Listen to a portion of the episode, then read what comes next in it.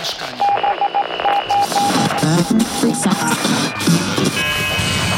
Odsłuch społeczny.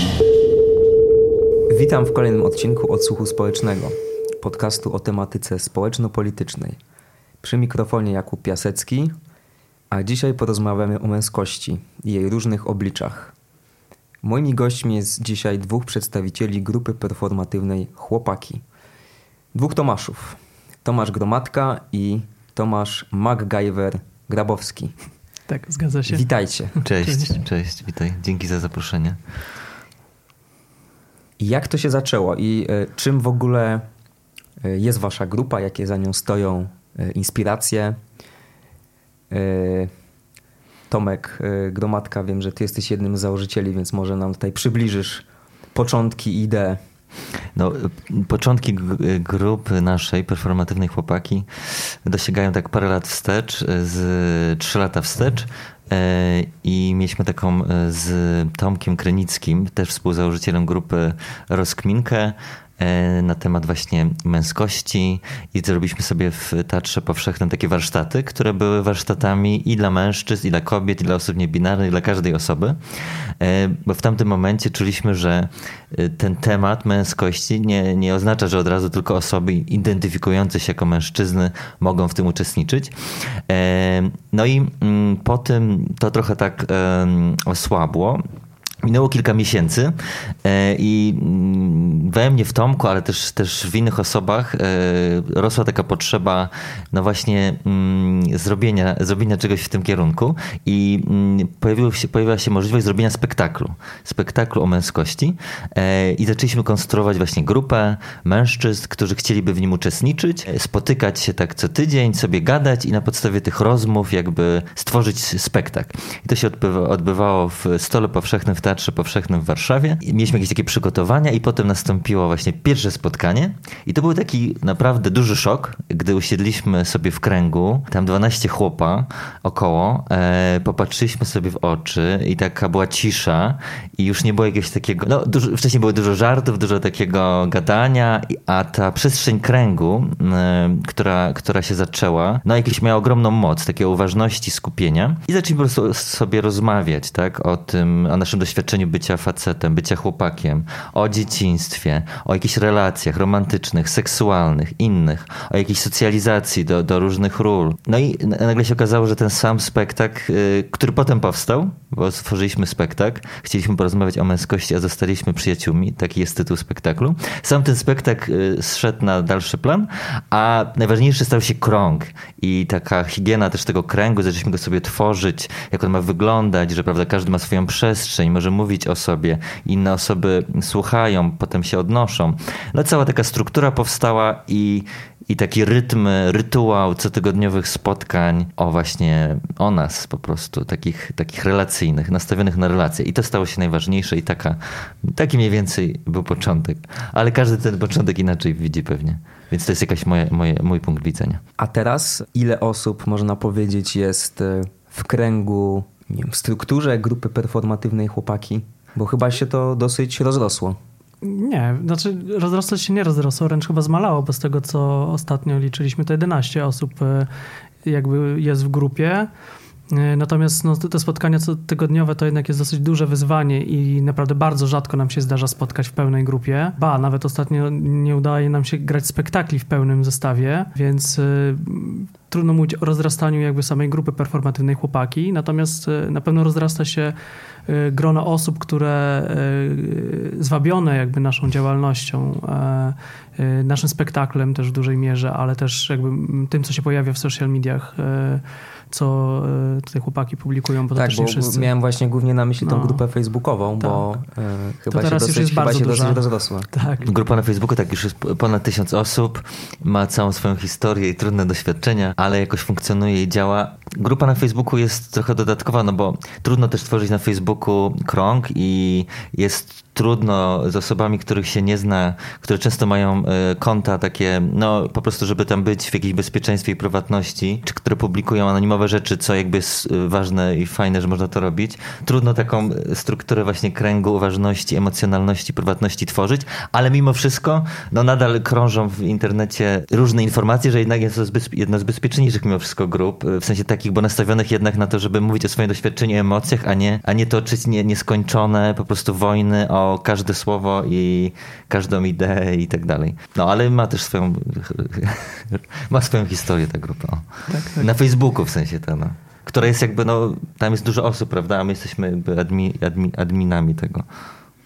My, no i jeszcze kilka osób, które gdzieś tam tak. nas wspiera. No jakby to nie jest tak, że my jako grupa performatywna chłopaki wszystko dźwigamy. Mamy na szczęście kilka bardzo zaufanych, e, fajnych osób, które świetną robotę tam odwalają. Musieliście chyba y, poszerzyć grupę adminów, nie? Wydaje mi się, w momencie jak już jest ile? Tysiąc osób w tej grupie facebookowej? Ponad tysiąc, tak. No jak, jak tym się w ogóle y, zarządza w porównaniu pewnie z tą y, mniejszą początkową grupą? Bo my taką mamy strukturę, że jakby można powiedzieć, że jest struktura dla siebie i na zewnątrz, tak? Dla nas najważniejsza i jakby to, co w ogóle jest jakby solą tej działalności, jest to, że my jesteśmy po prostu jakąś grupą facetów, którzy co tydzień się spotykają i mówią o sobie, prawda, o swoim doświadczeniu, o swoim życiu, szukają wsparcia, prawda, pogłębiają relacje, płaczą, przytulają się, kładą sobie głowę na kolanach, całują się, mierzwią sobie włosy i tak dalej, nie? I to jest jakby takie źródło energetyczne, jakby taki coś takiej, no, takiej energii po prostu życiowej wspólnoty. No i z tego też są różne inicjatywy,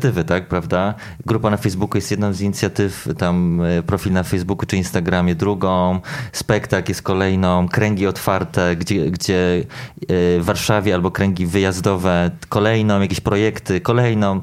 Najważniejsza jest ta, ta, ta, ta nasza jedenastka w tym momencie, jako taka właśnie... To źródło. Źródło. Ale wy chyba też można powiedzieć promieniujecie na pozostałe części Polski, bo słyszałem, że ludzie zakładają w innych miastach pod jakby wpływem waszego doświadczenia własne kręgi. W Olsztynie, w Krakowie i w innych miastach nie będących Warszawą. Tak, znaczy te kręgi zawsze gdzieś, znaczy zawsze, już od jakiegoś czasu w wielu tych miastach były ale z względu na to, że one się rzadko są tak publiczne jak nasza grupa, to do wielu osób ta informacja po prostu nie docierała. Jak ktoś nie szukał wystarczająco intensywnie, to po prostu ich nie znajdywał. No i gdzieś przez ten projekt, y, jakim jest social media, jakby nasze działania na social media, e, staliśmy się na tyle rozpoznawalni, że jak my organizujemy krąg w jakimś mieście, albo ktoś nas zaprasza do zorganizowania kręgu w jakimś mieście, bo to częściej jest przez zaproszenie, to rzeczywiście dużo więcej osób tam trafia, osób, które potrzebują takiej formy, a, a nie mogły znaleźć, albo nie wkładały tego wysiłku. I rzeczywiście po tych kilku spotkaniach na pewno w Krakowie. Nie wiem, czy w Olsztynie się udało, czy to trwa, ale, ale na pewno te kręgi się tworzyły, albo przynajmniej tworzyła się grupa, która miała taki plan. Więc y, my gdzieś byliśmy tym inicjatorem, tym pierwszym takim kontaktem, który to nakręcał, y, gromadził ludzi, którzy chcą. Też w Trójmieście, w Trójmieście coś w tym momencie powstaje w Katowicach, E, też, e, też, hmm. też coś powstaje właśnie w, w, inspiracji. No i też w Warszawie też e, już, już, już są te dwa kręgi takie poza naszymi, a inspirowane naszą, naszą działalnością. No i to, to jest takie też właśnie, to jest takie też doświadczenie przede wszystkim, bo, bo nie jest to terapia, chociaż ma terapeutyczny wpływ. Nie jest to taka klasyczna grupa wsparcia, bo jest taka bardziej równościowa i to jest po prostu taka forma spotkania, gdzie ludzie się mogą przyjaźnić. Ja to tak bym nazywał. Po prostu tak, tak czuję z doświadczenia ze swojego, że mi bardzo trudno się było przyjaźnić z facetami. Były, były przyjaźnie, no ale właśnie e, zakrapiane, czy, czy takie nieśmiałe trochę. E, a to doświadczenie grupy, no to było takie doświadczenie, że jakby ja tak mogę bardziej. Po prostu dużo mogę też czułości od facetów otrzymać, a nie, że e, nie, nie tylko w związku romantyczno-seksualnym, ale też po prostu w takiej przyjacielskiej, czy takiej wspólnotowej relacji. No jak właśnie widzę na przykład szczególnie taki krąg w Warszawie jeden mi bliski jest, który, no właśnie tak aż widzę takie rozpromienione twarze. Jeju, my się przyjaźnimy, także jakie to jest fajne, że, że po prostu mamy takie spotkania, nie, co tydzień nie każdy na nich jest, ale jakie to jest super, że my się przyjaźnimy, mamy relacje, jakby no to jest jakieś takie najważniejsze i z tego mogą inne rzeczy potem powstawać. Można coś działać, można robić aktywizm, nie wiem, i tak dalej. Pracować, ale tak, taka jakaś podstawa, jakaś jedna z podstaw może być, taka trochę rodzinna nawet, czy quasi rodzinna. To, to co jeszcze chciałem uzupełnić e, Tomka, że e, ja widzę przynajmniej bardzo duży plus w tym, że te relacje e, rodzą się te przyjacielskie relacje rodzą się też w otwartości na rozmowę o tym, co nas boli, w sensie w stosunku do drugiej osoby, czyli przynajmniej u nas w kręgu, jeśli jest jakaś scysja między nami, między jakąś grupą albo dwójką, to dużo łatwiej rozwiązujemy ten konflikt, bo rzeczywiście w tym kręgu, w tej formie kręgu jesteśmy w stanie wobec wszystkich też porozmawiać o tym, co, co nie gra. Czego ja w poprzednich jakichś tam grupach e, znajomych nie, nie za bardzo miałem i jak coś już zaczynało boleć, to po prostu uwierało bardzo długo. A mieliście wy personalnie e, doświadczenie męskiej przyjaźni przed grupą? No ja, ja miałem, miałem, tak, tak, jakby, ale taki właśnie, mm, no nie w pełni. Ona nie mogła się nigdy w pełni, w pełni zrealizować, myślę, ponieważ ja czułem w sobie jakiś lęk duży, tak? I, i na kręgu, na tych pierwszych kręgach to bardzo mocno wybrzmiało. Jak, jak my, się, my, my się siebie boimy, boimy po prostu, tak? I nawet na początku to nie było aż takie wypowiadane, ale potem zostało wypowiadane. Jak, jak wracamy czasem do tego doświadczenia pierwszych kręgów, to po prostu pierwsze co przychodzi do głowy, ja... Y, to można przeklinać? Ja pierdolę, jak my, siebie, jak, my, jak my się siebie baliśmy. Że po prostu, ale jak, jak byliśmy siebie ciekawi też, ale taki lęk w ogóle. No ja miałem no, lęk przed całym spotkaniem, ale też lęki w ogóle przed jakimś dotykiem, przed takim przytuleniem. E, to też, to też było, było, było mocne, tak? E, I w tych wcześniejszych, no to było takie, że zdarzały się rozmowy w tych przyjaźniach przed kręgiem, takie rozmowy głębokie, no ale często właśnie raczej po, po wódce. No czasem jakiś dzień po wódce też już na trzeźwo, ale takie y, właśnie, że ten kąt, y, że, że nie było takiej otwartości, takiej elastyczności pewnej też właśnie ciała. Ja mam trochę odmienne doświadczenie od Tomka, mhm. E, bo ja zawsze byłem dosyć dotykalski i, i wielu tych moich przyjaciół, których mogę nazwać przyjaciółmi, jakby zawsze przytulałem na przykład na, na przywitanie. I tak naprawdę z takich męskich przyjaciół to mogę chyba trzech wymienić. E, chłopaków, z którymi mi się zdarzało też na trzeźwo porozmawiać e, e, o jakichś problemach, no ale to było trudne. W sensie rzeczywiście pamiętam takie sytuacje, w których ja już nie byłem w stanie rozmawiać, kiedy mój przyjaciel był w stanie zacząć rozmowę. Więc rzeczywiście coś w tym jest, ale tak, tak samą formułę przyjaźni miałem z facetami. Ona nie miała tego dużego plusu, jakim jest krąg, tej umiejętności rozmowy, otwartości, umiejętności stworzenia przestrzeni na, na otwartą rozmowę, ale czułem, że to są moi przyjaciele, że to są osoby, z którymi mogę zawsze i mogę na nich liczyć i oni na mnie. I to do dzisiaj trwa w większości przypadków, więc to jest bardzo, bardzo fajne. Propagujecie mm. ideę czułej męskości. Tak. Albo męskiej czułości. Jedno i drugie? Jedno i drugie. Jak byście to opisali? Czym, czym dla was są te, te dwa pojęcia? Ja tak nie, nie, jestem jakiś mocny właśnie tak jakoś dyskursywnie, ale ja bym to nazwał po prostu bardziej jakąś taką praktyką, po prostu bycia ze sobą. Przez tą czułość jakby yy, można ją zastąpić słowem uważność, słuchanie, takie bezpieczeństwo wyrażania czegoś, nawet właśnie jak, jak mnie wkurwi za przeproszeniem któryś z chłopaków, to że ja mogę mu to powiedzieć, e, a nie jest tak, że ta nasza relacja jest po prostu na włosku, że ja się boję mu powiedzieć, że, że on mnie wkurzył, bo boję się, że go stracę, czy coś takiego, czy że stracę tę relację, ale że właśnie jakby takie bezpieczeństwo, że, że to właśnie wzmocni tę relację, tak? Że jak mu powiem, że, że ja się na niego wkurzyłem e, i wiem, że to tak działa, bo mówiłem, czy ktoś mi mówił, że się na mnie wkurzył, no, że to wzmocniało po prostu, urealniało. No i Czyli jest taka praktyka właśnie pewnej szczerości, dla mnie emocjonalności, takiego też polegania na sobie, też po pomagamy sobie w różnych rzeczach. E, na przykład MacGyver e, swojego czasu uświadomił mi, jak działa e, przetykaczka. Okazało się, że to jest bardzo proste narzędzie. Nikt mi nie wytłumaczył wcześniej. Do czego ono służy? Bo ja nie wiem. Przetykaczka do, do prysznica. Po prostu mój prysznic tak się zatkał, że cały dzień za, zajmowało, zajmowało, okay. zajmowało spłynięcie. I ja po prostu byłem przerażony. Po prostu mi się wydawało, że już będę 5 tysięcy na hydraulikę. A to, no może ci pożyczę tą przetykaczkę. Przytknąłem do prysznica, zrobiłem jeden ruch i wszystko było po sprawie. No, takie, takie drobne rzeczy nawet, tak? E, że, że tak sobie też, nie wiem, jak teraz mi przyszło, ojcujemy w sensie, czy tak, czy tak bratujemy. To jest też dla mnie o tej czułości. No i oczywiście o tym właśnie ten, ten dotyk taki, takie właśnie, że, że to jest takie, takie, takie dotykalstwo. No tak, ale zapomniałeś w moim odczuciu najważniejszym, czyli tej gotowości do przyznania się, że jest mi ciężko hmm. E, do tego, że jestem słaby na przykład i potrzebuję hmm. rozmowy albo potrzebuję się komuś wygadać. E, dla mnie to jest, ta czułość, męska czułość to jest głównie o tym, że ja się nie boję być słaby wobec chłopaków. Właśnie wobec Tomka bardzo często e, mam taką sytuację, że czuję, że to jest ta osoba, do której mogę się właśnie e, zwrócić, kiedy mam totalnego doła. I to się właśnie też przekłada na tą czułą męskość, męską czułość, e, w sensie, że jakby też w tej rozmowie, jak jesteśmy, to nie mamy takiego oporu, żeby się dotknąć, złapać za rękę, za ramię, czy się na pożegnanie przytulić bardzo mocno i długo. Rzeczywiście e, Tomek też o tym mówił, że on miał problem, albo często mówi o tym, że ma problem właśnie z, miał duży problem z męskim dotykiem. Ja go miałem dużo mniej, mniejszy ten problem, ale teraz od kiedy jestem w grupie performatywnej, czyli już drugi rok, no to jakby widzę, że dużo bardziej tego potrzebuję, mniej się krępuję i rzeczywiście z chłopakami częściej mi się zdarza po prostu przytulić i nawet nie zamieniać kilku słów, tylko po prostu się przytulić i poczuć, że jesteśmy obok siebie, nie? Więc to jest, dla mnie ta czułość jest bardzo tym. Czyli łamiecie pewne stereotypy tradycyjnej mm czy też toksycznej męskości. Te, które nas blokowały, nie? Y, głównie. No to, A kiedy to one... Y, bo rozmawiacie z wieloma na pewno chłopakami, pewnie również o ich dzieciństwach. Co kształtuje toksyczną męż, męskość u chłopaków, u mężczyzn? Jakie są wzorce, wspólne mianowniki, które można w wielu opowieściach zobaczyć wielu chłopaków? To jest temat na godzinę. Ja też myślę, że, że, że to jest w ogóle też złożone i jakby toksyczna męskość to jest jakiś jeden z elementów też, taki najbardziej skrajny, prawda?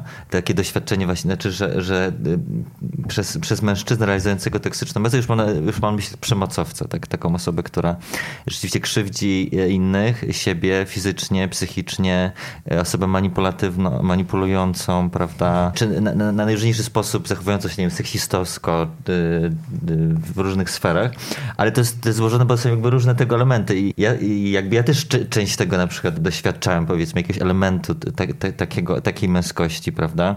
Chociażby dlatego, że się bardzo bałem, tak? I, i czułem lęk, i, i z tego lęku jakiś, jakiś prawda, y, byłem zazdrosny na przykład i, i chciałem na przykład y, władać czyimś życiem, na przykład partnerki, jakoś tak się uwieszałem na niej na przykład, tak? Albo ten y, taki romantyzm jakiś taki toksyczny realizowałem. To jest jakby na, na pewno też są, te, te, na, są najróżniejsze doświadczenia. Kilka osób miało doświadczenie skrajnej przemocy od ojca przy milczącej akceptacji rodziny, reszty rodziny. Jakby oni nie kontynuowali tego, tak? W sensie, że on, jakby ich życie życie wręcz było w, w, oporze, żeby jak najdalej być tego, tak?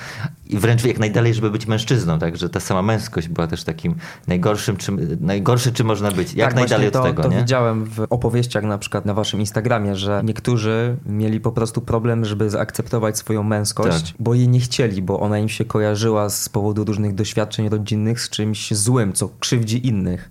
Tak. I, I, widziałem takiego posta, że mam dwadzieścia kilka, kilka lat i dopiero od dwóch się czuję mężczyzną, nie?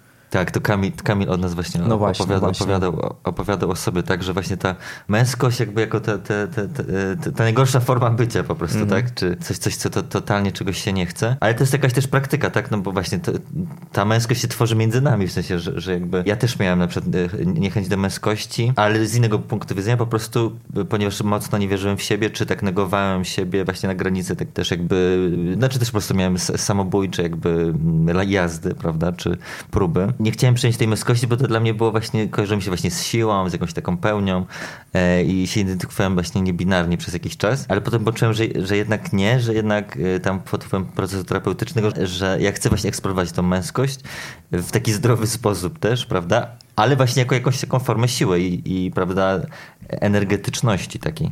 Odsłuch społeczny. Ja mam takie bardziej dwa, wydaje mi się, że, że, że mniej skrajne przy, przykłady e, tej toksycznej męskości, która się w moim życiu e, pojawiła. Pierwsza to jest jakby kwestia relacji damsko-męskich. E, ja zawsze dużo czasu bardzo spędzałem z kobietami, zawsze miałem dużo przyjaciółek, ale też jestem i uchodzę za osobę, która y, też jakby za podrywacza, tak, tak zwanego. Często nieświadomie, po prostu dużo uwagi poświęcałem kobietom, lubię. I e, odkryłem w pewnym momencie, e, jak w Polsce się pojawiła akcja mitu, jak mimo swojej nienawiści do takiego bycia mężczyzną podrywaczem, który wchodzi na imprezę z zamiarem wyrwania dupeczki i ma przygotowane teksty i stawia drineczki i ten, e, zauważyłem, że dobra, nie robię tego w ten sposób, ale robię to, Mhm. E, obtańcowałem dużo dziewczyn, dużo dziewczyn poznałem w ten sposób mm, i też e, zauważyłem właśnie przez czytanie różnych postów z oznaczonych hashtagiem mitu, jak dużo moich zachowań przekraczało granice mimo to, że wydawało mi się, że jestem spoko, nie? To gdzieś tam wychodziło z tego, że po prostu mam takie do tego przyzwolenie, tak, że mogę właśnie podejść i jak ja tutaj tańczę wokół dziewczyny, to ona powinna być zainteresowana. Albo jak gdzieś tam trochę zmacam, no to powinno jej się to podobać, powiedzmy, w dużym uproszczeniu. Więc to jest jeden ze wzorców toksycznej męskości, który no jeszcze u mnie pokutuje, jeszcze z sobą gdzieś tam walczę w różnych swoich reakcjach na imprezach czy gdzieś tam. A drugi wzorzec, który strasznie ostatnio mnie rozwalił, to jest to, że powinienem utrzymywać rodzinę. To, że powinienem być tą osobą, która zapewnia dobrobyt, zapewnia bezpieczeństwo finansowe i w momencie, kiedy w ostatnich latach przez pandemię w mojej branży no jest gorzej zdecydowanie i to moja partnerka lepiej zarabia w tej chwili jakby to ona mi pożycza pieniądze na utrzymanie firmy, to czuję, jak bardzo mi jest tym źle i że jest to jeden z powodów mojej agresji jakby w różnych sytuacjach, tak, że obwiniam siebie, że to ja teraz daję ciała, y, zrzucam to na nią, że rozumiem, że ty możesz być na mnie zła, że ja zaraz źle zarabiam, tak? Jakby ona tego nigdy mi nie powiedziała, ja jej to teraz wtłaczam i to jest bardzo toksyczne. I to jest taki wzorzec, który no, można by powiedzieć, że no nie, no jakby to jest normalne, że jakby utrzymujemy rodzinę. jakby każdy się stara. Widzę, że po prostu ja przez to toksycznie zacząłem ją atakować. No właśnie y, mamy, mamy y, mm, nazywamy takie właśnie taką przestrzeń, gdzie, czy, w kręgu, czy, czy też y, w internecie, w którym mówimy takie rzeczy, że, że to jest patriarchalne wysrywy, mhm. że po prostu są różne motywy, są wzorce różne w nas, no ale też jakaś jest świadomość ich, tak? I w tej naszej praktyce bardzo jest ważne, żeby dać na to przestrzeń, żeby w bezpieczny sposób móc te patriarchalne wysrywy wysrać, tak, Wy, wypowiedzieć, wyrazić, tak? No bo z tego też trudno pójść dalej, yy, mam wrażenie. I właśnie czasem w jakiś taki wręcz nawet publiczny sposób też prowadziliśmy takie rozmowy o męskości po czasie pandemii na Zoomie i tam po prostu się, się, się lało, tak? Publicznie tam jedna rozmowa to rzeczywiście tam było ze, ze 100 tysięcy potem o, o, o, wyświetleń. No i tam ludzie się różne rzeczy przyznawali i to było bardzo oczyszczające, jako taki rodzaj takiego publicznego publicznego wyrażenia różnych wzorców e, i doświadczeń. No, co pomaga i higieniczne to jest moim zdaniem. Bo e, patriarchat i e, kapitalizm chyba dosyć dużo, powiedzmy, y, tworzą pewnych wzorców męskości, pewnych form, można powiedzieć, opresji na chłopaków. Co byście jeszcze powiedzieli, poza, jakby wymienili poza tym, co, co jeszcze czyha na, na mężczyznę, poza tym obowiązkiem, jakby, czy jego poczuciem, że musi utrzymać rodzinę? No na pewno, znaczy to, to co już podobało, to przyznanie się do słabości, yy, które właśnie może mieć, yy, ta nie, niemożność przyznania się do mhm. słabości, co może mieć takie konsekwencje śmiertelne, w sensie, że no, te wskaźniki samobójstw wśród tak, mężczyzn tak. są większe, ale nie chodzi tylko o samobójstwo, na przykład mieliśmy takie doświadczenie rozmowy o swoich chorobach. Ja mam wrzedziające zapalenie jelita. Jak zacząłem o tym mówić... My mamy. Mamy, właśnie. Jak zacząłem o tym mówić i inni zaczęli o tym mówić, nagle się okazuje, że mamy to samo krwawimy e, i, i jakby, ale tak, tak o tym nie mówiliśmy I, i przez to, że my o tym nie, nie mówiliśmy nikomu wobec siebie, ktoś trafił do szpitala, ktoś po prostu był na skraju, jakby nagle się okazało, że dużo facetów to ma, nie wyraża tego. Ja nie wytrzymam, potrzymałem mi piwo. No. Coś w tym stylu. No dokładnie, dokładnie. Tak, jakby, no i to ma przecież, ten wzorzec ma bardzo no, śmiertelne konsekwencje, czy krzywdzące takie, tylko, że nie można tej słabości się przyznać, czy do, tej, czy do depresji, czy do właśnie tych różnych chorób. Trudne pytanie, co jeszcze nas czyha jak tak o tym rozmawiamy, gdzieś tam się pojawiają, to tak, tak, a teraz jakbym miał wymienić, to jest trudno. Z tego mnóstwo tak naprawdę. Na przykład z jednym z takich wzorców, który czasem mi się zdarza, on może nie jest taki hardkorowy, ale ludzie się dziwią, że nie mam prawa jazdy. Mhm. I jest no, takie, ja ale jak to nie ale masz prawa jazdy? w Warszawie to się nie przydaje. No. no tak, ale jest to taka rzecz, nie? Że, że no jak ty jesteś facetem i nie masz prawa jazdy, nie? Gdzie w rodzinie nigdy po prostu samochodu nie było, więc nie było potrzeby. Ja mam, ale się kurzę od 8 lat, no. także tak jakbym nie miał. Więc y, to, to są niby drobiazgi, ale też gdzieś tam wsiadają na głowę, że no nie no, trzeba zrobić. No oczywiście ta praca, to już mówiłem. Nie przyznanie się też na przykład do, do, do doświadczenia przemocy też. Hmm. Że mężczyźni też doświadczają przemocy w rodzinie, w relacjach w sytuacjach publicznych. No i właśnie mniej o tym mówią, no, no jakby mniej o tym mówią po prostu, bo na naszej przy tej grupie, no my między sobą mówimy, na kręgach to się pojawia mocno czasem. Nagle się, to, jest, to jest jakby poruszające, jakby na kręgu obcych facetów, jak się nagle pojawia się temat przemocy, no to jakby trudno przejść, do, przejść potem do porządku dziennego do tego, no, że jak nagle po prostu tyle osób w jednym pomieszczeniu po prostu to wypowiada, jak, jakiej przemocy doświadczyli, jak skrajnej też często, od ojca, przy akceptacji rodziny, czasem od matki, czy od rówieśników, prawda, no to, to, to jest tak. No i to jest oczywiście też z tego nurtu właśnie nieprzyznawania się do słabości, czy nieprzyznawania się do tego, że właśnie można e, być, no może można tego doświadczyć.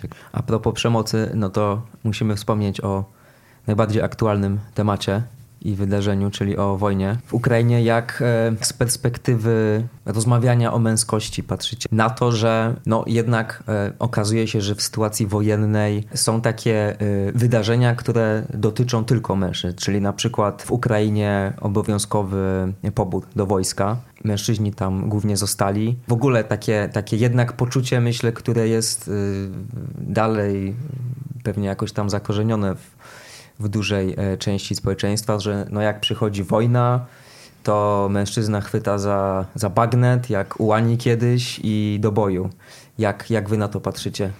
No ja, ja przy, przy, przy, całym poruszeniu e, tą sytuacją wo, wo, wojenną i wspieraniu w najróżniejszy sposób y, Ukrainy, tu, y, prawda, czy, czy y, osób uchodźczych tutaj, no to, to jest skandaliczne, tak? To jest skandaliczne, że mężczyzna o, o obywatelstwie ukraińskim nie może opuścić swojego kraju. Jeśli, znaczy, że, może, że nie może nie, nie, że nie, nie akceptuje się tego, że on może nie chcieć czy nie móc y, walczyć, tylko e, ma, mandatoryjnie odgórnie uznaje się, że jak jesteś mężczyzną, to musisz walczyć. No jest to po prostu skandal. Jakby tak nie powinno być w żadnym kraju nigdy, nigdzie. I przypomina mi się doświadczenie mojego ojca, który w stanie wojennym trafił do wojska na dwa lata, po prostu tego, tego ukształtował już do, do końca życia, tak? Jakby traumatyzowało też. No właśnie, domyślam się, że nie w pozytywnym sensie. Tak, no do tej pory, do tej pory jakby coś, jakąś element autoagresji, tam się nauczył jakby tego i no to są też inne rzeczy, to po prostu jest jakiś element, ale no tak, tak nie może być, no. Tak, ja się totalnie zgadzam, aczkolwiek e, przy większości moich rozmów właśnie na ten temat, e, znaczy w większości, no, nie, nie, nie, rozmawiam na ten temat wiele, bo y, mam taką tendencję do unikania takich trudnych tematów w roz, codziennych rozmowach. Ale tak, widzę ostatnio bardzo dużo właśnie takich rozmów i wątków i słyszę, a co, co gdyby u nas przyszła do nas wojna, nie? Co byśmy zrobili? Też się zetknąłem z osobami, które aktualizują swój status, kategorię swoją, mhm. bo no już jakby zdrowie nie to samo, co to 18 lat temu. No i, i, i ja oczywiście to rozumiem, aczkolwiek sam mimo swoich różnych chorób y, przewlekłych, jakby gdzieś tam mam przekonanie, że jednak bym został i walczył, mimo totalnej nienawiści do, do agresji. Ale walczył, nie, trzeba walczyć z karabinem w ręku, można walczyć na inne sposoby. Więc yy, trudno mi jest się do końca utożsamiać z tym, co Tomek powiedział, bo jakby gdzieś sobie mocno racjonalizuje to, że, że mężczyźni walczą, albo że ludzie po prostu walczą i, i trudno mi jest to tak rozgraniczyć, yy, że mężczyźni yy, nie, nie powinni być zmuszani do walki, bo generalnie rzecz biorąc nie widzę innej przyczyny, znaczy innego, co by mogło zmusić człowieka do, do walki, jak groźba śmierci, nie? Jakby dezerterzy są karani śmiercią. No tak, wojna po prostu zmusza do, e, ludzi do takiego działania. Nie, nie mówię, że to, co mówię, jest prawidłowe, jakby mówię, jak czuję teraz. Trochę rozumiem to, że, że, że jakaś grupa ludzi jest zatrzymywana po to, żeby walczyć, bo inaczej po prostu by odda, e, większość ludzi oddała pola. To jest przerażające. Ale no, wojna niestety też takie rzeczy generuje i, i trudno jest powiedzieć, żeby tutaj teraz rząd był mądry i to pokierował tak, żeby wszyscy byli zadowoleni. Dobrze, to jeszcze chciałem na sam koniec wrócić do tego wątku młodych mężczyzn czy, czy młodości, e, kształtowania się. Wy robicie kręgi w ośrodkach e, wychowawczych, czy przedstawiacie e, swój spektakl?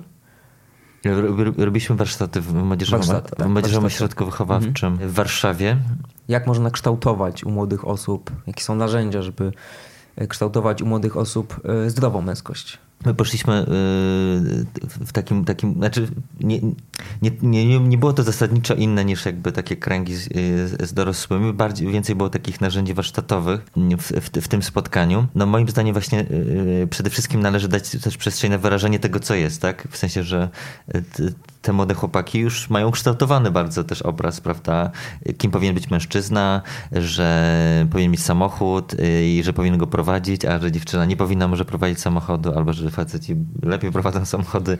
E, I no, no, dużo dawaliśmy takiego, takiej przestrzeni, żeby, mm, żeby móc się wypowiedzieć, żeby móc właśnie wyrazić, co, co jest, jakie jest, jakie jest ich, ich doświadczenie. No, różnymi metodami teatralnymi, pisarskimi, trochę takimi storytellingowymi też to realizowaliśmy. To, co robiliśmy, to był raczej taki wstęp też, bo, bo no przede wszystkim najważniejsza jest taka sama, samo, samo, samo stworzenie relacji, tak? Jakby. I akurat tutaj y, nasze warsztaty też y, były mocno przerwane tam pandemią i, i po prostu jako, że to jest instytucja, no to też jakieś pojawienie się czy groźba wirusa sprawiała, że nie mogliśmy tam przychodzić, więc to było takie bardzo rwane, ale wiele się też nauczyliśmy tam.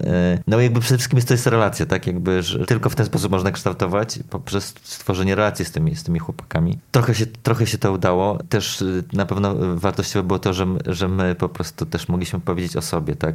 Jakie my, my, my mamy doświadczenie jak, jak my tą męskość realizujemy. I mogli jakby to, to też poznać, no. Ale żeby to zrobić tak w pełni, w pełni to, to potrzeba wiele więcej czasu. E, I takiej też głębszej zmiany instytucjonalnej, myślę, bo wiadomo, że, że MOWNO to, to jest taka też doraźna. Oczywiście tam osoby są super i robią co mogą, ale to też jest jakieś takie doraźne jednak mimo wszystko.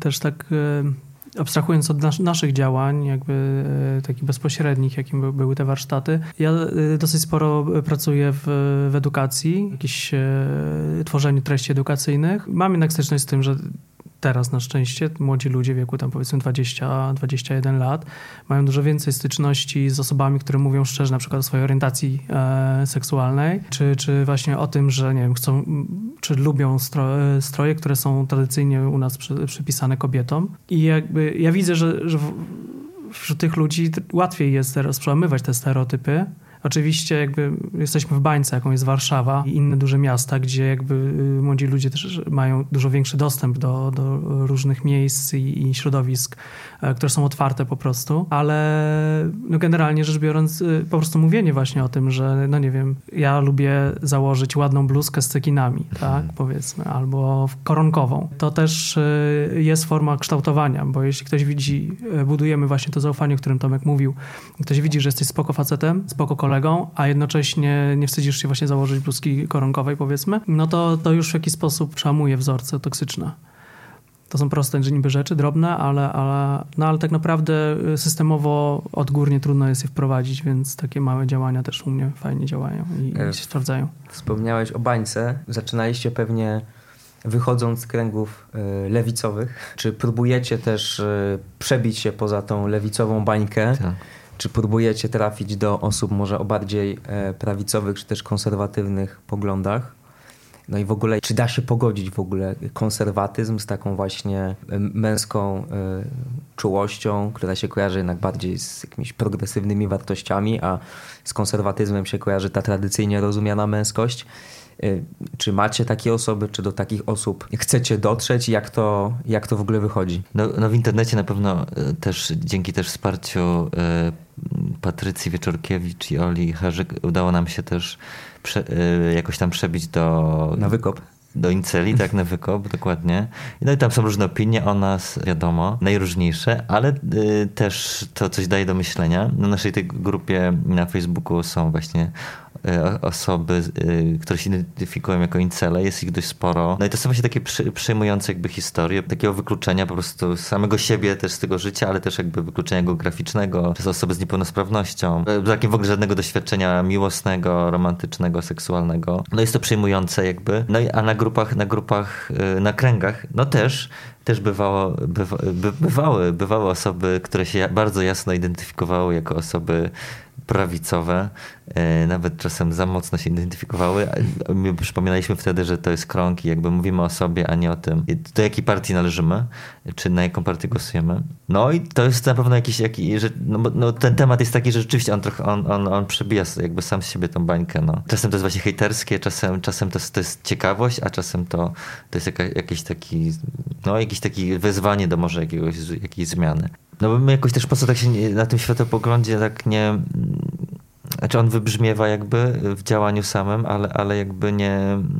Czuję, że aż tak znaczy, że jakby sama ta forma kręgu jest taka, że każdy może w tym kręgu, jak ktoś nie chce dotykać, to się nie dotyka, jak ktoś nie chce mówić, to nie mówi.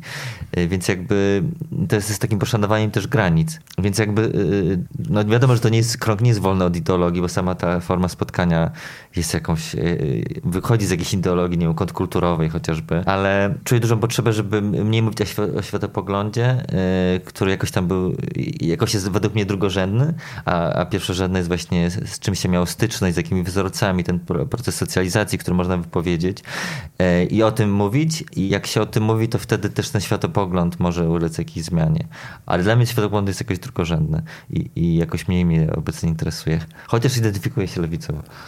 Tak, no ale no my też w grupie mamy jakby na niektóre tematy inny pogląd. Tak. tak może nie, nie, są to skrajne różnice, tak jak w przypadku właśnie osób nacjonalistycznych, tak, i typowych lewaków, no ale jakby różnimy się, no jakby po prostu no, dajemy sobie przestrzeń do tego gadania, nie? inną opinię a propos... Tak. Ale a propos pandemii, a propos szczepionek, jakby tak, no, tak, tak. nie będziemy ukrywać, że grupa jest różnorodna, jakby też nasza własna. Tak, e, e, różnych mistycznych zjawisk. Jakby e, no, nie możemy się z sobą nie zgadzać, no, ale jednak jesteśmy w kręgu. Mamy, mamy w grupie e, zdecydowanie osoby, które w ezoteryce siedzą. Tak. I, I, dla mnie na przykład osobiście jest to w jakiś sposób e, czasami trudne e, słuchać jakby czy tego języka, czy, czy, czy pewnych sformułowań, ale jakby jako osoby naprawdę szanuję te osoby bardzo i, i trochę czasami żałuję, że rozmawiamy w ten sposób albo idziemy w taki temat, jakby w naszej rozmowie, ale jakby szanuję ich z, tym, z tymi ich wyborami, ich doświadczeniem i bardzo dużo czerpię od tych osób, jakby z ich historii, które opowiadają w kręgu. Więc y, dla mnie godzenie jakby tego światopoglądu różnego jest o tyle cenne, że jakby też poznajemy perspektywę kogoś, kto właśnie ma na przykład zupełnie odmienne doświadczenie, jeśli chodzi o krąg, w którym się wychował. Ale jeśli y, damy mu tą przestrzeń do tego, żeby mówił szczerze o swoim życiu i on chce o tym mówić, to to może być czasami totalnie bezcenne, bo nie usłyszymy od żadnego lewaka pewnych stwierdzeń, które no może bolą moje lewackie ucho, no też wychodzą z jakiegoś, nie wiem, doświadczenia czy cierpienia, tak? I, i dają mi inną perspektywę na niektóre rzeczy. Więc yy, myślę, że naszym wychodzeniem jest to, żeby dawać przestrzeń po prostu na każdemu, kto chce i kto właśnie na przykład nie przychodzi i nie, nie wtrenia się z butami i nie zaczyna nam mówić, że jesteśmy głupi i debile i coś tam jeszcze. Tak, szanuje zasady tak, pewne. Tak, więc w, ty, w tej perspektywie i w, tej, w, ty, w tym e, rodzaju rozmowy, jakim jest krąg, zawsze się znajdzie na to miejsce. A wy inspirowaliście się albo ciągle się inspirujecie, czy też macie jakiś kontakt z kobiecymi kręgami? No tak, to, to, to, na pewno to był główny punkt inspiracji, właśnie kobiece mhm. kręgi e, i stąd głównie znaliśmy kręgi. Ja tylko wiedziałem, że są kręgi kobiet, nie wiedziałem, że w ogóle są kręgi mężczyzn. E, I to, było, to, to była też w ogóle w, feminizm też był dla części z nas dużą inspiracją w, te, w, te, w, te, w tym, e, no w ogóle no taka właśnie no, no, no, który, feminizm, który właśnie odkrywa te jakby różne role społeczne, prawda, i y, przypisanie płci do jakichś zadań i, i funkcji w, w świecie, społeczeństwie. To było, to było też wartościowe. No, jest ta idea mieszanego kręgu. Yy, Nawet chyba się odbyły jakieś. Jakieś się odbyły, tak. yy, jakieś się odbyły mieszane yy, i też chcemy w, chcemy w to iść, tak, żeby, żeby też mie, mie, mieszać. Nie, nie jest to łatwe zadanie, bo jakby już tych zadań naszych, które mamy, sobie postawiliśmy przed sobą różnych celów, jest bardzo dużo ale jest taki projekt, który ja trochę na siebie wziąłem, czyli właśnie zorganizowanie mieszanego kręgu z, z, grupą kobiet, które znam, które się spotykają też w kręgu. Tak, no myślę, że to jest to, co Tomek powiedział. Feminizm jest bardzo dużą inspiracją tutaj e, do, do, do, też różnych tematów, które podejmujemy gdzieś, czy, czy właśnie na y, naszych social mediach, czy, czy, czy w naszych rozmowach w kręgu, bo też sobie czasami nadajemy temat kręgu i rozmawiamy na konkretny temat e, w tym swoim cotygodniowym kręgu. Słuchajcie, bardzo Wam dziękuję e, za, za bardzo przyjemną rozmowę. Również dzięki. Dzięki. Dzięki postawmy tutaj kropkę. E, gośćmi odsłuchu społecznego byli Tomasz Gromadka i Tomasz Magajwer-Grabowski. Rozmowę wydawała Anna Krasnodębska, a zrealizował Bartek Rogowski. Odsłuch społeczny znajdziecie na wszystkich popularnych serwisach podcastowych. Do usłyszenia.